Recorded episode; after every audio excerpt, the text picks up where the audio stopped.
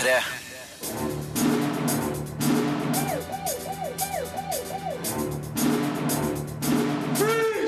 Filmpolitiet! What's your name, dude? Birger Vestmo.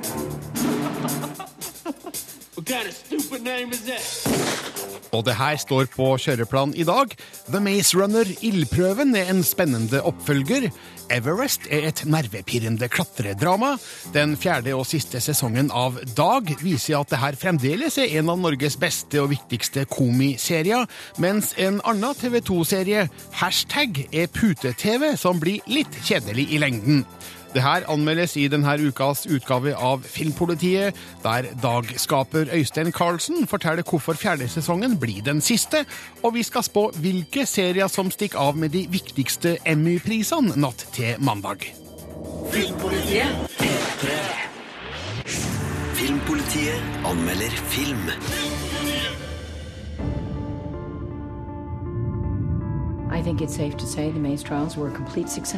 the Maze Runner var en spennende og interessant fantasifilm om ungdommer fanga i en mystisk labyrint. Oppfølgeren Ildprøven utspilles under helt forskjellige omstendigheter. Akkurat som i The Hunger Games beveger figurene seg utafor en begrensa arena og ut i ukjent terreng. Enkelte elementer av historien er forvirrende og diffuse, men de mange actionscenene har høy tenning og intens spenning. Derfor er det her en absolutt severdig oppfølger som er fullt på høyde med eneren. Thomas, we.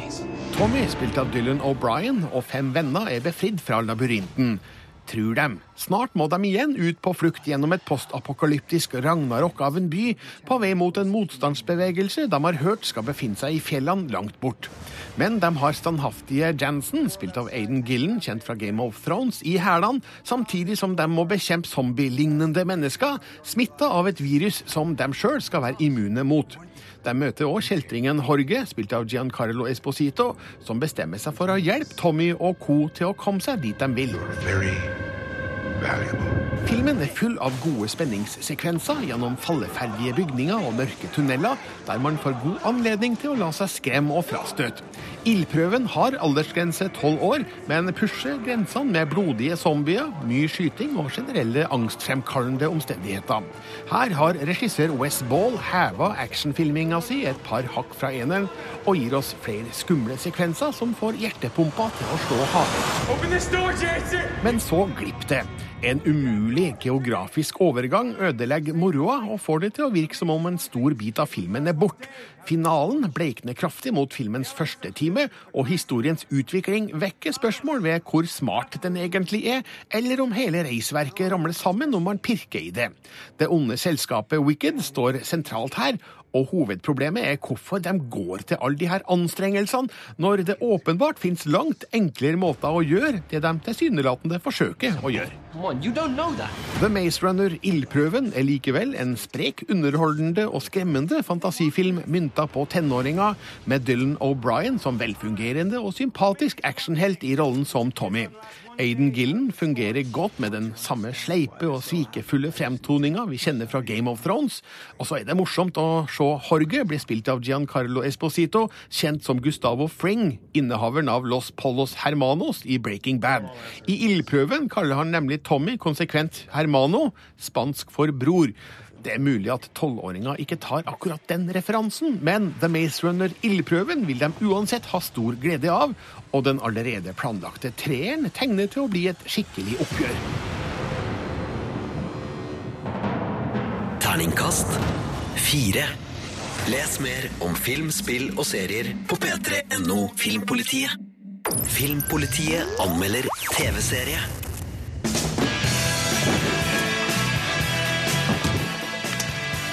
Do you want me to plug it in? Hva er det her for noe? Det er en plen. Takk for at du lå med meg den gangen. Behøvde ju trøst. Fredrikstad? Ja, der har jeg vært mye. Legeresultatene dine. Kolesterolet er skyhøyt, og blodet ditt er tjukt som fløtesaus. Du skal ikke spise smør, salt eller bacon på tre måneder. Den fjerde sesongen av Dag hadde premiere på TV2 i går kveld, og nesten hele sesongen er blitt eh, sett av kollega Sigurd Vik. Hei! Hallo, Birger. Ja, du, eh, Før du begynte å se sesong fire, så så du deg opp på alt som har gått av dag fram til nå. Ja. Så, så du har fått dag overdose denne uka, eller? Eh, Ja, jeg har i hvert fall fått en, en kraftig dose dag, men eh, det er jo det som er så fint med gode TV-serier, at sjøl sjøl bøttevis med lassevis med bøttevis med episoder blir ikke for mye når det er bra kvalitet, og det er dag. Ja, Sesong fire er da den siste, og eh, hva, hva skjer her? Nei, jeg vi skal ikke spoile for mye, men det er jo den her eh, litt misantropiske samlivsterapeuten Dag Refsnes, eh, spilt av Atle Antonsen, vi, vi følger. Og han eh, er jo en fyr som liker seg best alene, i hvert fall på, på fritiden, og har jo eh, prøvd å, å kontrollert det i sesong én og i sesong to og i sesong tre, men det er jo hele tida mennesker, eller verden om du vil, som, som står utenfor hans dør og, og trenger seg på, og det har det jo gradvis eh, blitt mer og mer av. Han har jo blant annet kjæreste og, og, og venner som, som driver og dukker opp, og spesielt kompisen hans, eh, Benedikt, eh, som spilles av Anders Wassmo Christiansen, har jo vært en, en fyr som har bidratt til forholdsvis mye god situasjonskomikk med sine ablegøyer, eh, og er jo som en slags sånn blanding av alle som er med i Olsenbanden, satt på speed og sendt ut i verden på én gang. Så alt det der er der fremdeles, men det er ikke så lett å le av Dag i sesong fire. Litt fordi at øh, den der uventa situasjonskomikken begynner vi å bli veldig godt vant med, så vi blir ikke så overraska hvis det dukker opp f.eks. dyr og narkotika i en scene, og så skjer det rare ting. Eh, og så er det også litt fordi at Dag nå har blitt litt vondere å se på. Det er litt mørkere, og det er ikke så mye den der befriende, underfundige, lune humoren som på en måte avvæpner situasjonene. Det er litt mer stillhet. Det, det spilles ut, og så er det ikke så mye lyd som skjer. altså Det blir sånn flere sekunder etter at en replikk er avlevert, hvor man får sitte og smake ordentlig på det. Kjenn litt på alvoret. Så gjenkjenneligheten gjør at det er litt ubehagelig og litt artig. Og så er det veldig bra. Og det er veldig viktig og relevant. Så, så nei, Dag er i, ferd med å virkelig gjøre et eh, godt punktum. Nå har ikke jeg fått sett ferdig sesongen, så hvor det egentlig ender hen, det vet jeg ikke. Jeg har sett de sju første episodene, men det lover veldig godt eh, for de som har fulgt eh, Dag videre. Er du glad i, i Dag, så kommer du til å, å like fortsettelsen. Jeg har hørt rykter om et vendepunkt i episode sju. Du har det, ja? Kanskje det var derfor jeg bare fikk se sju episoder? Ja, da, da er vi enda mer usikre, men, men i hvert fall eh, tralten fram til episode sju er litt mørkere, øh, men, men i, i godt selskap fremdeles. Kristoffer Schou og, og Øyvind Karlsen skriver jo manus sammen her. og det er jo... Beklager. Eh, og det er jo Det er forholdsvis Altså, det, det, det er ikke ting du har sett så altfor mange ganger før. Og hvis du er glad i f.eks. Louis C.K. eller den type humorister, så, så vil du også finne snev av det her. Terningkast 5. P3. P3. Jeg har møtt Øystein Carlsen, som er regissør og en av manusforfatterne av Dag, og Rolf Lassgaard, den kjente svenske skuespilleren som spiller Ernst i Dag, driveren av rehab-klinikken som Dag blir innlagt på i starten av sesong to, og som fortsetter å ha jevnlige møter sammen. Først spurte jeg Øystein Carlsen hvordan han og Kristoffer Schou greier å komme opp med stadig nye, friske ideer til Dag. Det har jo vært sånn egentlig hele tiden har vi prøvd å holde på at 80% av serien skal være sann. eh, Og den er nok fortsatt det, altså. Så det, er, det er jo en, en slags tommefingerregel at eh, virkeligheten alltid overgår fiksjon.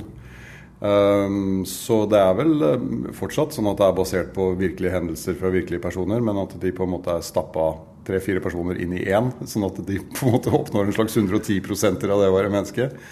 Um, og Sånn er det fortsatt. Og så er det jo det som er veldig veldig fint med å gjøre fire sesonger, uh, og dette er jo da finalesesongen, så vi vet at vi skal runde av, så kan man jo uh, la hele det levde livet som de karakterene har hatt gjennom tre sesonger, og som publikum kjenner igjen, altså man kan la det få konsekvenser.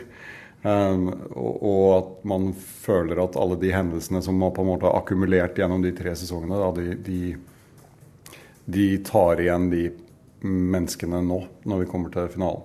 Så, så dette har faktisk vært det, det var lettere å skrive sesong fire enn det det var å skrive sesong tre, syns vi. Rolf Lassgaard, hva er virkelig med Ernst? Hvem er Ernst basert på? Ja, det har inte jag. Det, det är hemligt för mig tror jag. Eh, utan eh, det, det, finns lite, det, finns, det finns tankar runt omkring det. Det finns eh, de gudene han själv använder är ju liksom Hemingway, eh, Flynn og och en rad cyniska ideologier och ideologer. Så, så där har du liksom, det finns en slags eh, att eh, leva livet eh, liksom i båda ändar. Och, sånne sådana inspirasjonskällor finns det hela tiden. Hemingway var en stor inspirasjonskälla. Ja, vi, vi hadde en som sånn innsalg til Rolf når vi prøvde å få ham til å si ja. Så hadde vi sånn på pitchen, bare på karakteren, så sto det eh, dette er psykiatriens Colonel Kurtz. Når du har seilt den emosjonelle elva helt til enden av jungelen, da sitter han der inne innerst i elvemunningen. Um, så det er vel det. Han er, vel, han er en blanding av Errolf Lund og Kirkegard, er han ikke det? Men Ernst har vært med siden sesong to. to. Hvordan, har, hvordan har Ernst utvikla seg gjennom serien? Jag tror att han, han har blivit mänskligare från att ha varit, varit den här väldigt eh, sär, säregna karaktären. Så, så har han liksom dragits in i den här familjen i, i sin relation till, till, till, till de andra personerna. Både med Dag og kanskje framförallt med Benedikt. Hvordan jobber du Øystein, med skuespillerne for å utvikle figurene videre i denne serien? Jeg husker en gang uten noen sammenligning for øvrig at det var et intervju med eh, Sean Penn når han skulle gjøre en film med Jack Nicholson. Han ble spurt hvordan går det fram når du skal regissere han. Og han sa jeg prøver å holde meg mest mulig unna. Det er, det er min taktikk eh, med det galleriet med skuespillere som er her. Stoler på at teksten er eh, bærer, og så sier vi vær så god, og så går de ut og gjør sin ting. Og så noen ganger så må man justere liksom emosjonsnivået for at det skal passe inn i helhetsbildet. Men eh, altså, jeg syns jo den, denne serien er veldig veldig velspilt, og det er veldig lett for meg å si. For det er ikke, ja, jeg kan ikke ta spesielt mye av fortjenesten for det. Jeg prøver å, jeg, jeg prøver å ikke skuffe dem i klipperommet. Det er det, det er det jeg kan ta mest kreditt for. Jag tror også det ligger, eh, du skal ikke ta bort alt för mycket, det, det, ligger også en otrolig, eh, det man liksom bäddar omkring skuespillerne. Og, og pluss at redan i det skrivne materialet så er det, man, när, ibland när man får manuskriptet så liksom suckar man högt och tänker Jesus Christ vad mycket text. Fy fan vilken jävla lång monolog här om universum och, och det, det blir en eh, liksom en utmaning för en som skådespelare. Jävlar, jag ska göra det, jag ska göra det. Liksom. Så att det, det, jag vet inte, den värsta jag haft det är en åtta minuters variant där i säsong tre. Va? Ja, du var vel nesten fire sidor. Då. Ja, fyra sidor rätt av. Liksom, där det enda att han säger, när någon annan försöker säga någonting så säger han Shh. Jag menar, det, det, det, det blir en utmaning för en som skådespelare där, där, där, där man blir som en eh, galopphäst. Er det noe rom for improvisasjon i det hele tatt på, på Dag? Absolut, det, det är det. Även fast jag tror att vi håller oss ganska, ganska strikt till, till, eh, eh, till, till, till manuset. Men vi kan också ta varianter. Eh, det, det kanske det är omskrivning av det, det Øystein säger här om att, eh, att man ska justera den emotionella nivån. Att man försöker göra scenen på ett annat sätt. Och då, då, då, då är det ju lätt att sånt eh, dyker upp automatiskt. Men, det är liksom ingen att vi går in och improviserar. Det, det, det, det, det sker inte så mycket. Men vi är ju ganska fria i och med att den, den filmas ju på ett sånt sätt att vi har tvåkamerasystem och eh, jag menar jag, eh, det kontoret som Ernst har, det, det, det, det har vi liksom använt varenda vrå av. Och jag, jag blir förvånad varje gång. Till och med det finns nya ställen här igen. Va? Men alltså i rörelse för skådespelaren. Dag er en tight serie. Det er 22-23 minutter per episode. Um, har måten du og Kristoffer Schou skriver serien på, endra seg fra sesong 1 til nå? Ja, det har det. altså. Vi, eh, når vi gjorde sesong 1, så skrev vi manus som var 27-28 minutter. Som vi måtte kjempe ganske mye med i klipperommet for å få ned på 23. Um, men vi har nok begynt å skrive mye mye tightere. Vi har begynt å klippe, klippe serien mye mer i manus. Uh, sånn at man ikke alltid har en inngang og en utgang. Og, og vi har jo i hvert fall i sesong fire nesten ingen longører. Det er nesten ingen dialog som ikke driver historien fremover. Så, så, så har vi jo lært eh, vi har kanskje lært det håndverket vi egentlig ble leid inn til å gjøre. Det tok oss bare 40 episoder. Men eh, ja, vi er mye tightere. Det er vi altså. Og det er jo fint både for skuespillerne, det er fint fordi det skaffer oss mer innspillingstid. Um, og mye mindre frustrasjon i, i klippen. Og så er det fortsatt sånn at vi, vi skriver Jeg tror én manus sitter på seg ca. 1 minutt og 10 sekunder er det som regel ferdig skutt. Uh, og da har vi fortsatt liksom 10% over, til overs som vi må ned. Og det er egentlig bare sunt altså, for å få liksom, tempoet opp. Hvilke utfordringer gir det deg som skuespiller, Rolf Lassgaard, å, å spille i en serie der tid er, er dyrebart? Ja, det, alltså I mina scener så, så märker jag ingenting av att tid är dyrbart då, då skulle de... de, de, är, de är verkligen inte, inte, inte korta, lång, liksom korta utan, och, men de, visst de är komprimerade. Det är inga, det är inga ord som liksom kan, kan sorteras ut även fast vi i den här liksom har krympt vissa monologer. Va? Och, men det, det är ju bara välgörande. Men, men jag känner inte någon, någon tidspress att man måste prata fort eller sådär utan det, det, är någonting som ligger tror jag i karaktärernas sett sätt att vara. Jag tycker att vi, vi, vi försöker lika mycket dra upp tempot som vi ibland försöker dra ner tempot. Ja, det er vel den dynamikken som skaper på en måte Det er jo litt sånn løp, løp, løp, stopp. sånn at Da får man virkningen av pausene, liksom. Altså, for det er jo veldig ofte i den serien her like mye det som ikke blir sagt, som det som blir sagt, som faktisk gir en eller annen form for emosjonell impact, forhåpentligvis. Dette er altså den fjerde og siste sesongen. Hvorfor måtte det slutte nå?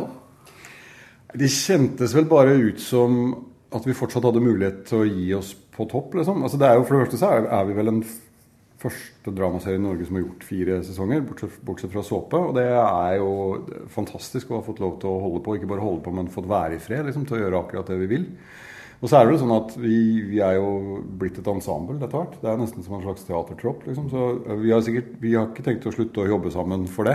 Men bare hvis vi skulle fortsatt i det samme tempo, så er jeg redd at vi ikke lenger kunne garantert at vi sjøl hadde følt at vi hadde vært fortsatt hadde hatt en utvikling som var positiv. da. Men at vi hadde begynt å gjøre det fordi det var en jobb. Men, mens nå så er det fortsatt noe vi virkelig virkelig brenner for å gjøre, og som vi er ekstremt stolte av. liksom. Og da, da, føltes det bare deilig å kunne si ja, men vet du hva, nå sier vi at det er finalesesongen, så går vi all in og gjør det absolutt så bra vi kan. liksom, Og, og brenner alle broer som må brennes for at vi skal få til det. Og så har det vært en, en veldig bra inspirasjons... Altså, det, har vært en, en det har vært en veldig bra sånn, ting å ha under når vi har skrevet. For vi har tenkt at ok, nå må vi gjøre det absolutt beste vi har gjort hittil. Liksom, hvis vi skal gi oss. Og det, det syns vi vel vi har fått til. Jeg har ikke sett ting fra sesong fire, bortsett fra noen små klipp, bl.a. med Ernst og Dag. En, en dialog om sprit og, og, angst. Det virker som om det blir flere av disse herlige dialogtunge møtene mellom Ernst og Dag. Hva, hva gir disse figurene hverandre i disse møtene? Jeg tror at det, det, det fins en det, det, er som, uten at de er noen det er litt grann två hankatter som møtes. så, så, er det ju lite grann att brottas med ord og och samtidigt så er vi funktionen lite grann att eh, Dag eh, behöver någon som tittar ner på honom lite grann också eftersom han ja, han sysslar med det på sitt kontor så behöver han kanske utsätta sig lite grann när det gäller sitt eget liv. Eh, så att jag tror de är två varandra, de behöver varandra. Jag menar, mm, Ernst är också ganska ensam i sitt stora hus. och hjelper Dag å brottes med sin ensomhet, annet. De tankene, meningene, følelsene som utveksles mellom ja, ikke bare Ernst og Dag, men andre figurer i serien, hvor kommer det fra? For min del kommer det fra det er, det er Jeg føler vel at livet er akkurat såpass vanskelig. Jeg, jeg, tror at når man har levd såpass lenge som det vi har, så kjenner man jo på den ensomheten. Og noen ganger så føler man seg ensom selv om man er sammen med en haug med mennesker. og og jeg tror ikke jeg er spesielt mindre sosialt tilpassa enn andre. Så jeg, jeg, tror bare rett og slett at vi har prøvd å ta på alvor og si ting høyt som andre kanskje tenker at de er alene om å tenke. Um, så jeg, jeg, ser ikke på noen av disse menneskenes eh, emosjonelle liv som rart i det hele tatt. egentlig. Jeg, jeg, tenker at akkurat så vanskelig og så lett og så fint og så trist er det å leve.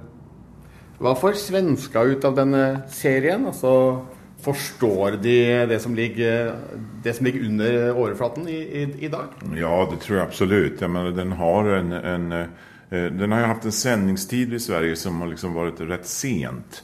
Men den har jo liksom sakte, sakta, men sikkert liksom kommet ut gjennom SVT Play og fått en slags kultstatus. Og jeg møter en hel del mennesker på gatan som virkelig tykker om denne serien. Altså, som, den har liksom smyget seg underifrån og opp og virkelig uh, tagit over de, de, de tittare den har fått. Alltså. Verkligen. Alltså. Jeg tror ikke de har noe som helst problem å forstå.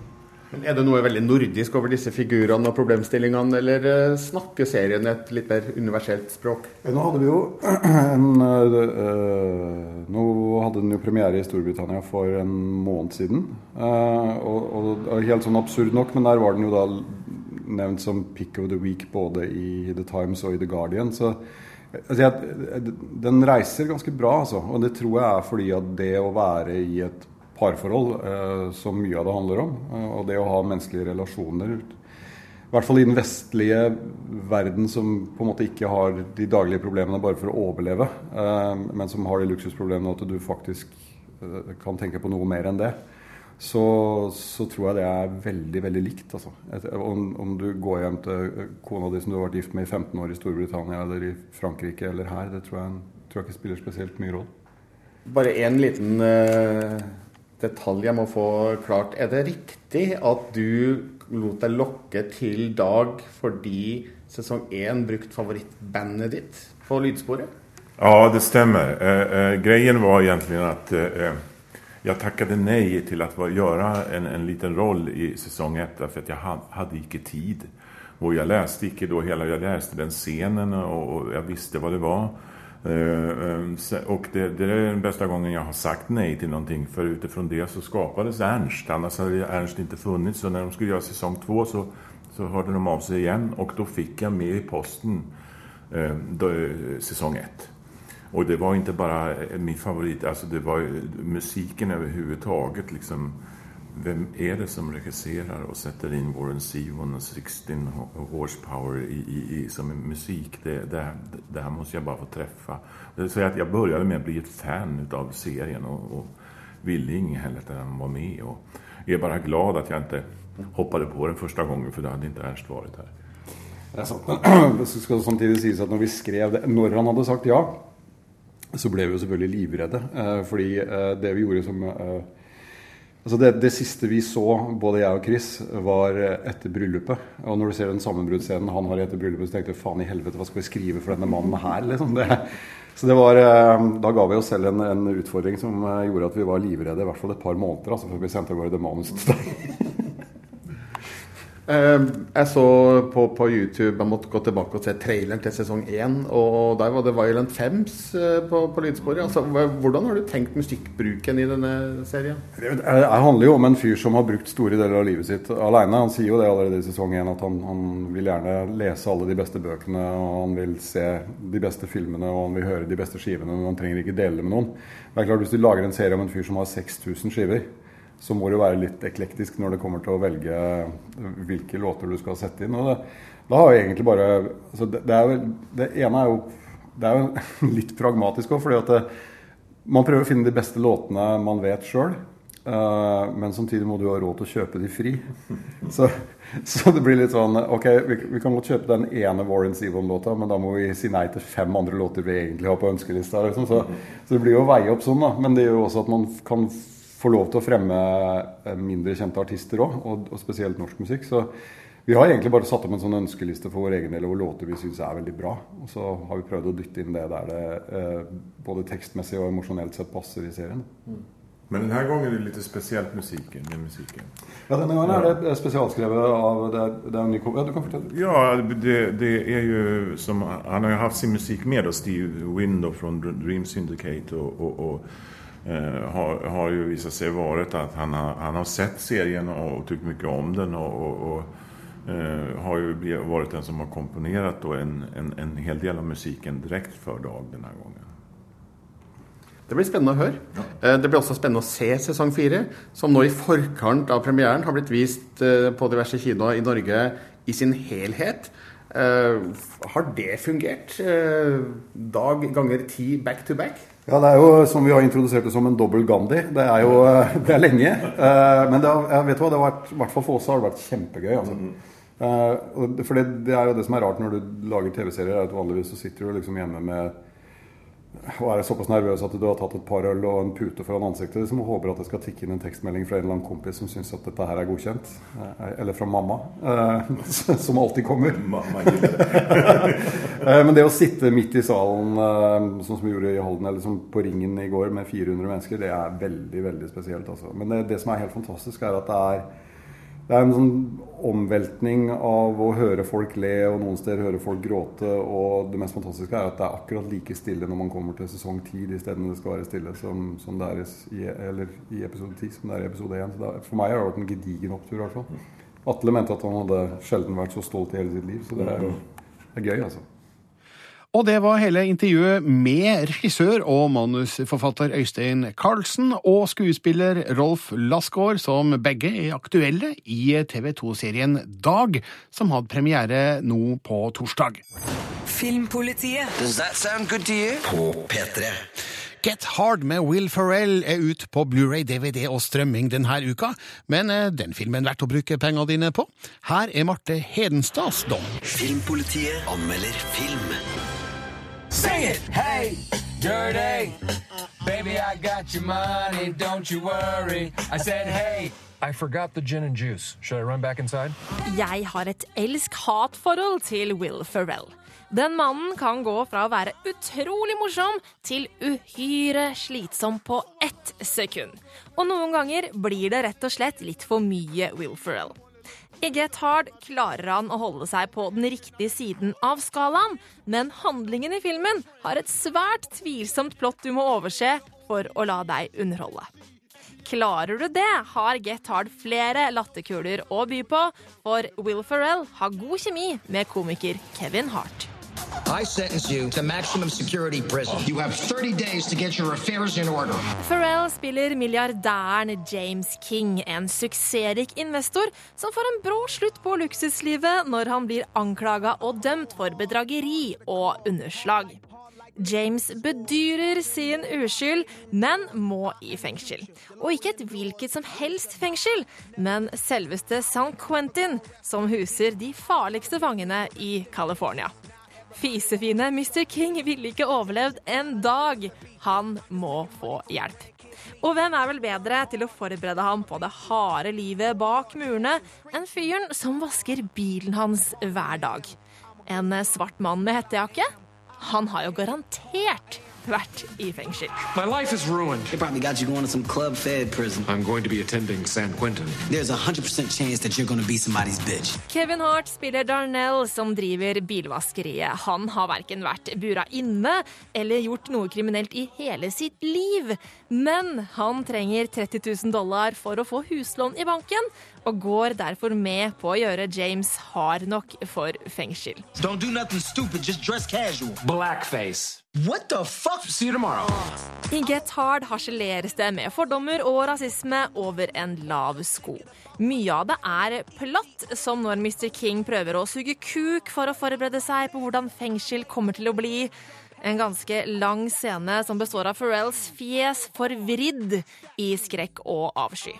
Men mye er også morsomt. Som når Darnell tar med James til fetteren sin, en gjengleder ved navn Russell, for å ordne beskyttelse i fengsel. James tropper opp kledd i alle fordommer det er mulig å oppdrive om svarte folk fra gettoen, samtidig som han bekrefter alle fordommer Russell og gjengen hans har om hvite, stive rikinger. Det er mye som er flaut med Get Hard, men Heart Hart og Pharrells kjappe replikkutvekslinger veier opp for mye av kleinheten. De to har kjemi og timing som om de har jobba sammen i en årrekke. Ten years of this. Stop! Den syltynne historien gjør at Get Hard ikke blir noe mer enn en dum komedie. Lavpanna humor er det nok av i denne filmen. Men av og til kan det også være ganske så morsomt. What? Life puts a dick in your mouth, you make dickade. Dickade doesn't sound like a significant improvement over dick. Terningkast tre. Filmpolitiet. På P3. Og så et blikk på noen nyheter fra film- og seriefronten den siste uka, og da starter vi med en trailer. Are you alone out here? What are you doing so deep in the jungle? Don't we know what you are? Og denne lyden kom fra traileren til Disneys nye versjon av Jungelboken. Og hva, Sigurd og Marte, syns vi om det? Hva eh, som er det Kan. rette stikkordet? Kan syns vi om det. For- her hørte vi eh, altså Scarlett Johansson i rollen som Ka fra Jungelboken. Og vet du hva?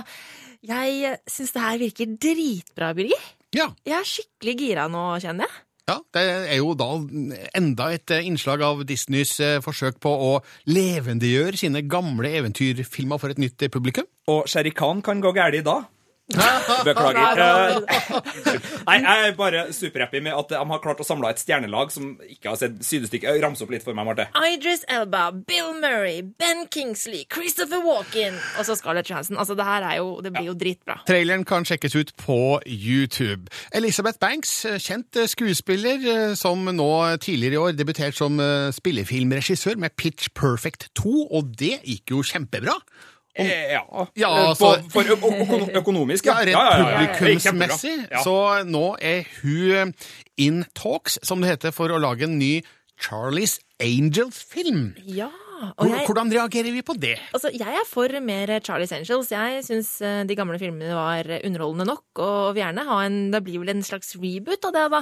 Eh, Men eh, altså, du var jo ikke så fornøyd med Pitch Perfect 2, Sigurd. Hvordan tror du Banks kommer til å gjøre det på Charlie's Angels hvis hun får den jobben? Jeg tror det kan funke, fordi Problemet til Pitch Perfect 2 var mer at de drev og melka i eneren. Ja. ut fra, og De hadde ikke noen gode ideer, men altså Charlies Angels, nye ideer, og Banks var, var stilsikker og hadde grep om komikken, så det kan bli både artig og actionfylt. Til slutt, vi må innom en serie, Game of Thrones. Eh, Det er liksom en ukentlig greie her i Filmpolitiet, syns jeg. nå, Men, nei, for nå, nå, nå har um, Kit Harrington, som uh, spilte uh, John Snow uh, fram til og med siste episode i sesong fem, uh, vært uh, ut med slurva i uh, The Independent.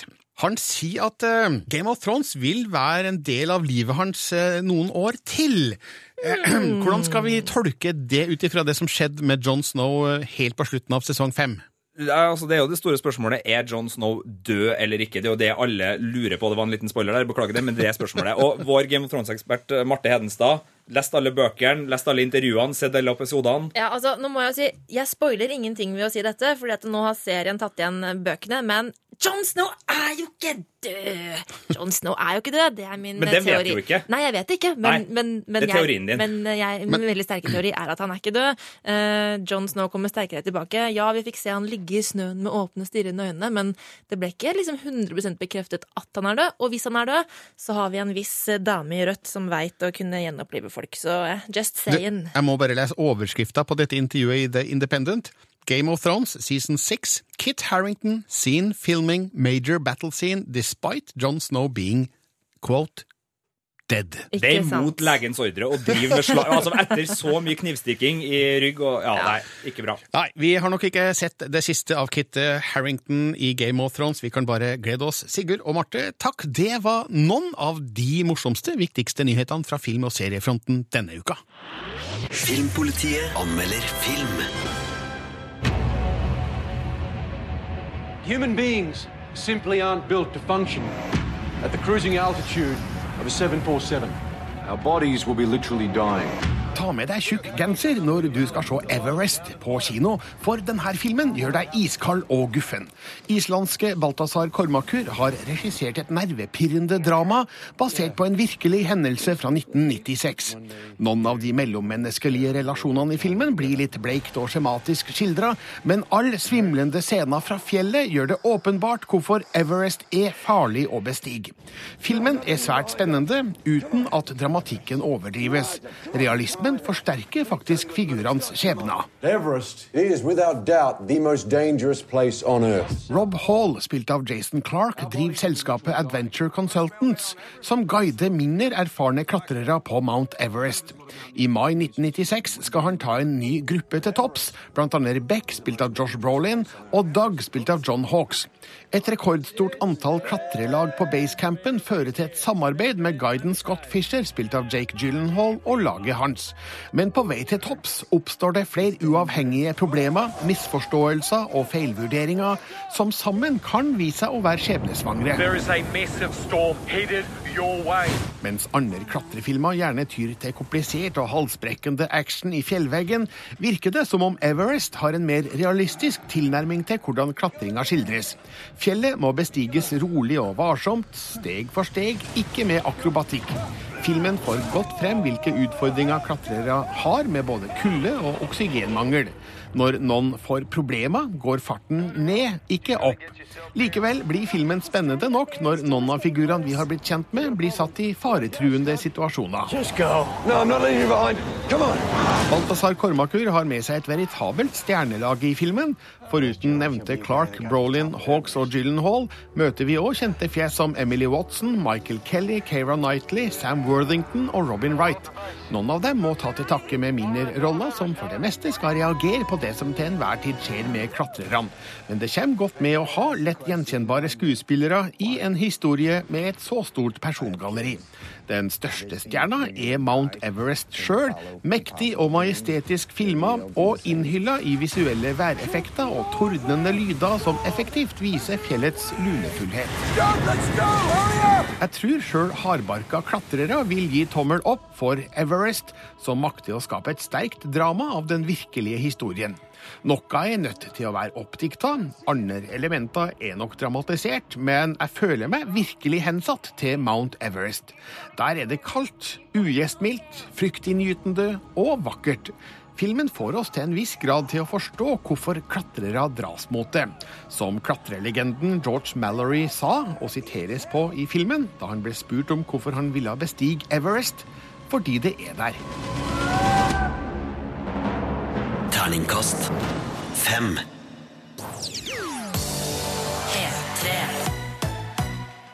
Natt til mandag er det klart for den 67. utgaven av Emmy-utdelinga. Det her er TV-serienes Oscar-kveld, om du vil.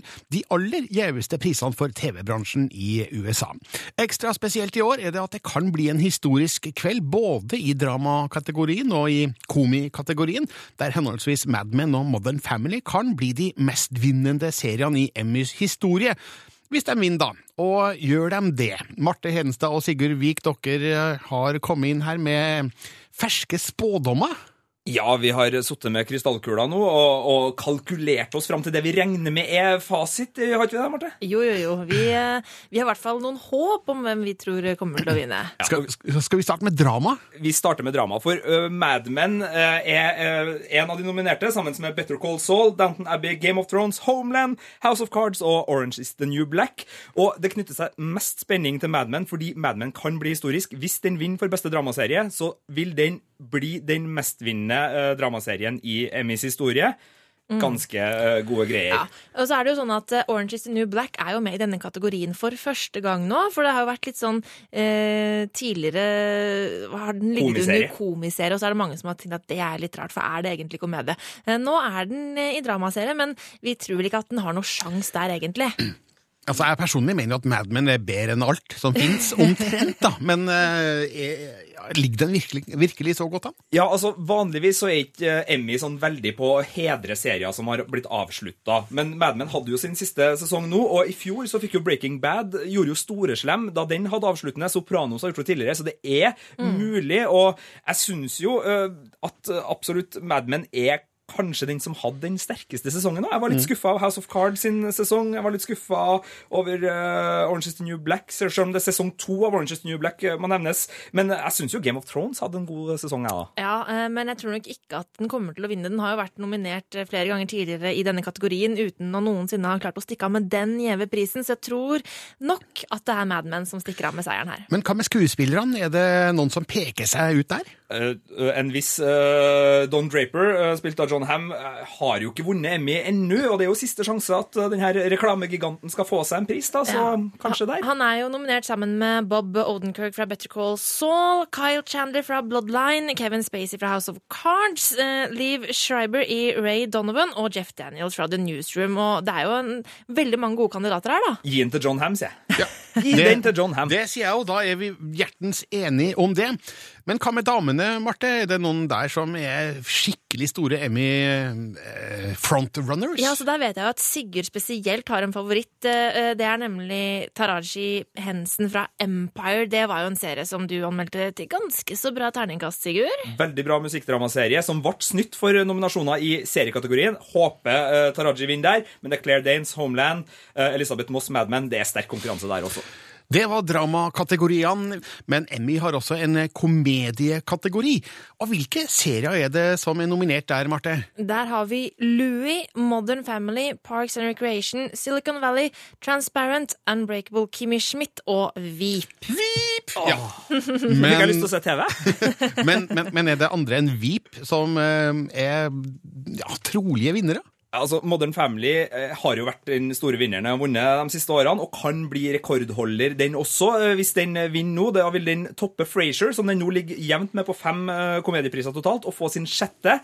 Men vi tror vel ikke at Modern Family klarer det? Vi syns vel ikke den bør klare det? i hvert fall Nei, ikke. altså den siste sesongen av Modern Family har ikke vært eh, god nok, syns jeg, til at den fortjener å vinne beste komiserie. Eh, Og det er jo så mange andre gode serier her. Altså Parks and Rec sin siste sesong hadde jo vært fint om kunne ha fått en pris, men eh, jeg vet at du, Sigurd, putter en knapp på en annen serie. Ja, nå skal jeg være veldig finurlig i språket her, i hvert fall prøve på det. Fordi uh, en serie som handler om en mer moderne familie enn Modern Family, kan man si, er Transparent, som vant Golden Globe for beste komiserie tidligere i år. Som handler om en familiefar som står fram som transseksuell. Eh, den er nydelig. Den er ikke så morsom, den har litt mer drama i seg, men Transparent er en, en, en av mine favoritter, absolutt. I fjor vant Julia Louise Dreyfus Emmy-prisen for beste kvinnelige skuespiller i, eh, i Veep. Eh, Kan hun gjenta den bragden i år? Ja, det tror jeg absolutt at hun kan, men jeg håper at det er Amy Powler som stikker av med den for Parks and Rec, altså. Det er vel fortjent for lang og tro tjeneste for en herlig rollefigur eh, de siste åra. Leslie Knope for eh, Yes. Emmy-president. Dere, er dere er litt på for lang og tro tjenestesporet Ja, her nå, med John vet. Ham i Ja, forrige kategori. Vi er litt det, altså. Ja, men Transparent eh, debut, debutsesong, så Ja da, ja da. Ok, eh, Men du har rett, Birgit. Hva med, herrefronten innen komedier? Eh, Louis C.K. er en formidabel fyr som kanskje er vel så mye hovedrolleinnehaver som serieskaper. Så, så hvis Louis ikke vinner for beste komiserie, som han sannsynligvis ikke gjør, så håper jeg han kan få en i, i mannlig kategorien.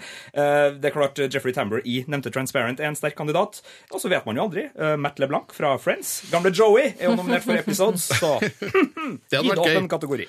Emmy-prisen deles ut natt til mandag, og det vises eh, direkte på TV2 Bliss. Og det skal dere to se på, Sigurd og Marte? Det skal vi selvfølgelig. Vi skal sitte oppe hele natta. Jeg vet at eh, Rød løper-showet begynner vel klokka ett cirka på Bliss, og så begynner selve utdelingen klokka to. Ja, og bare hold dere på nrk.no, for vi kommer til å være Ja, ja, ja. der og prate med folk og tvitre og legge Ja, det ut på ja, ja, ja, Facebook ja. og kose oss hele natta. Filmpolitiet anmelder TV-serie.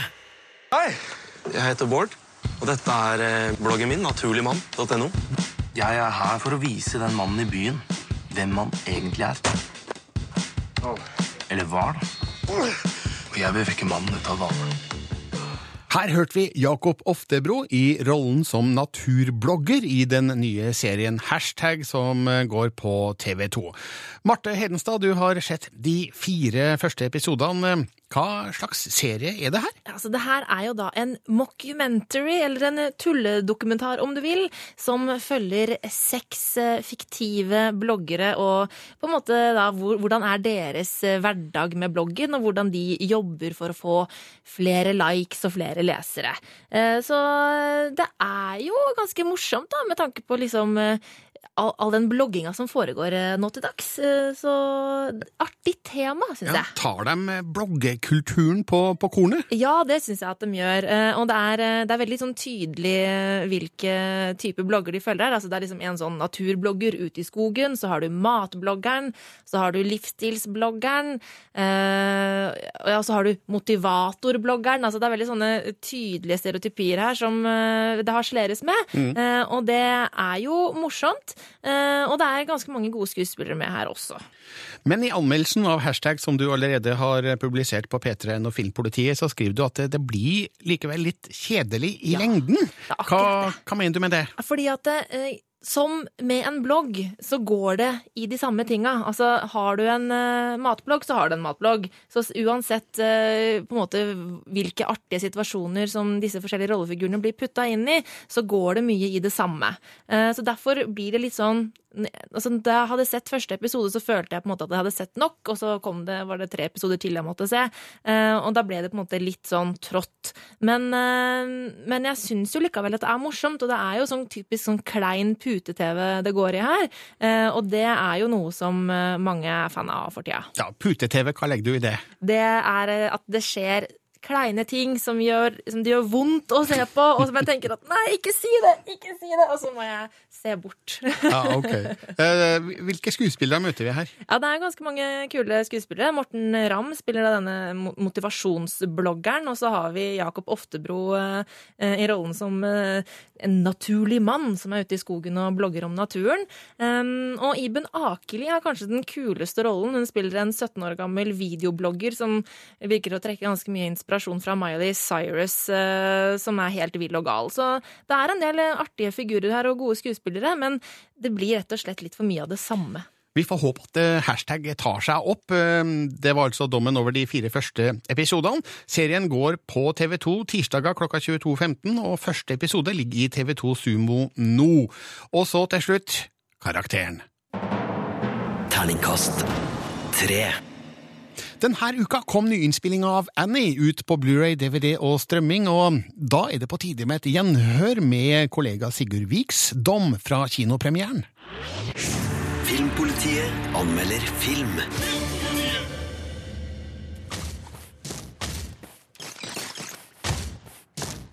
It's a hard knock life. Wait, what does hard knock life mean? It means our life sucks.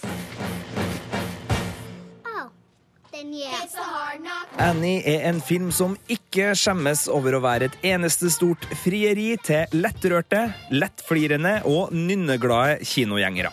Og det er en musikal som kan skape mye glede for vennegjengen i kinosalen.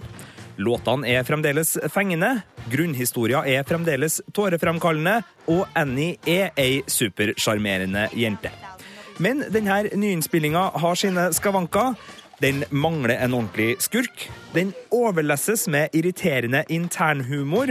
Og den har en aldeles forferdelig Cameron Diaz på rollelista. Exactly.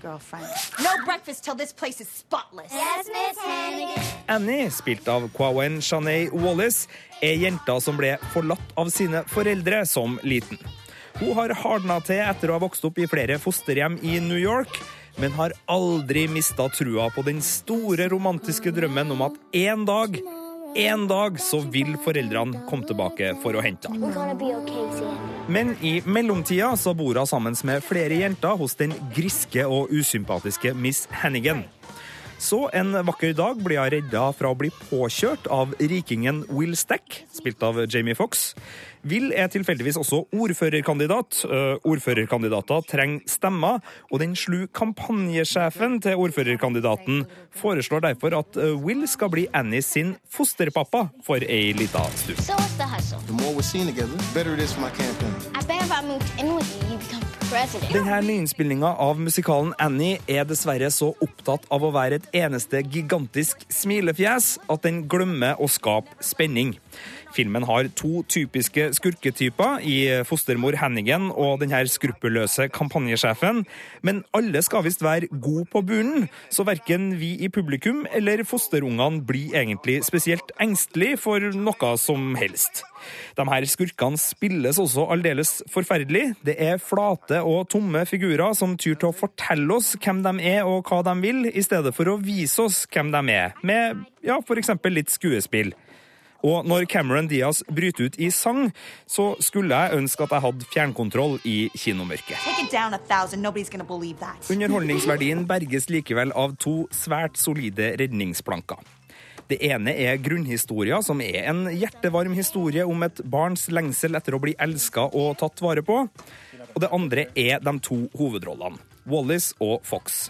Når de her to trekkes unna larmen fra de andre skuespillerne og alle gimmickene, så skapes en hyggelig stemning som gir nærhet og tro på det vennskapet som oppstår mellom den foreldreløse jenta og den følelsesmessig ganske kalde milliardæren.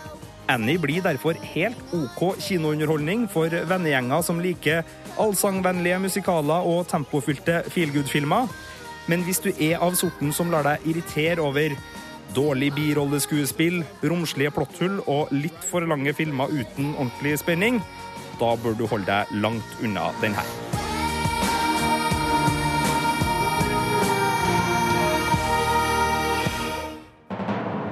Terningkast tre.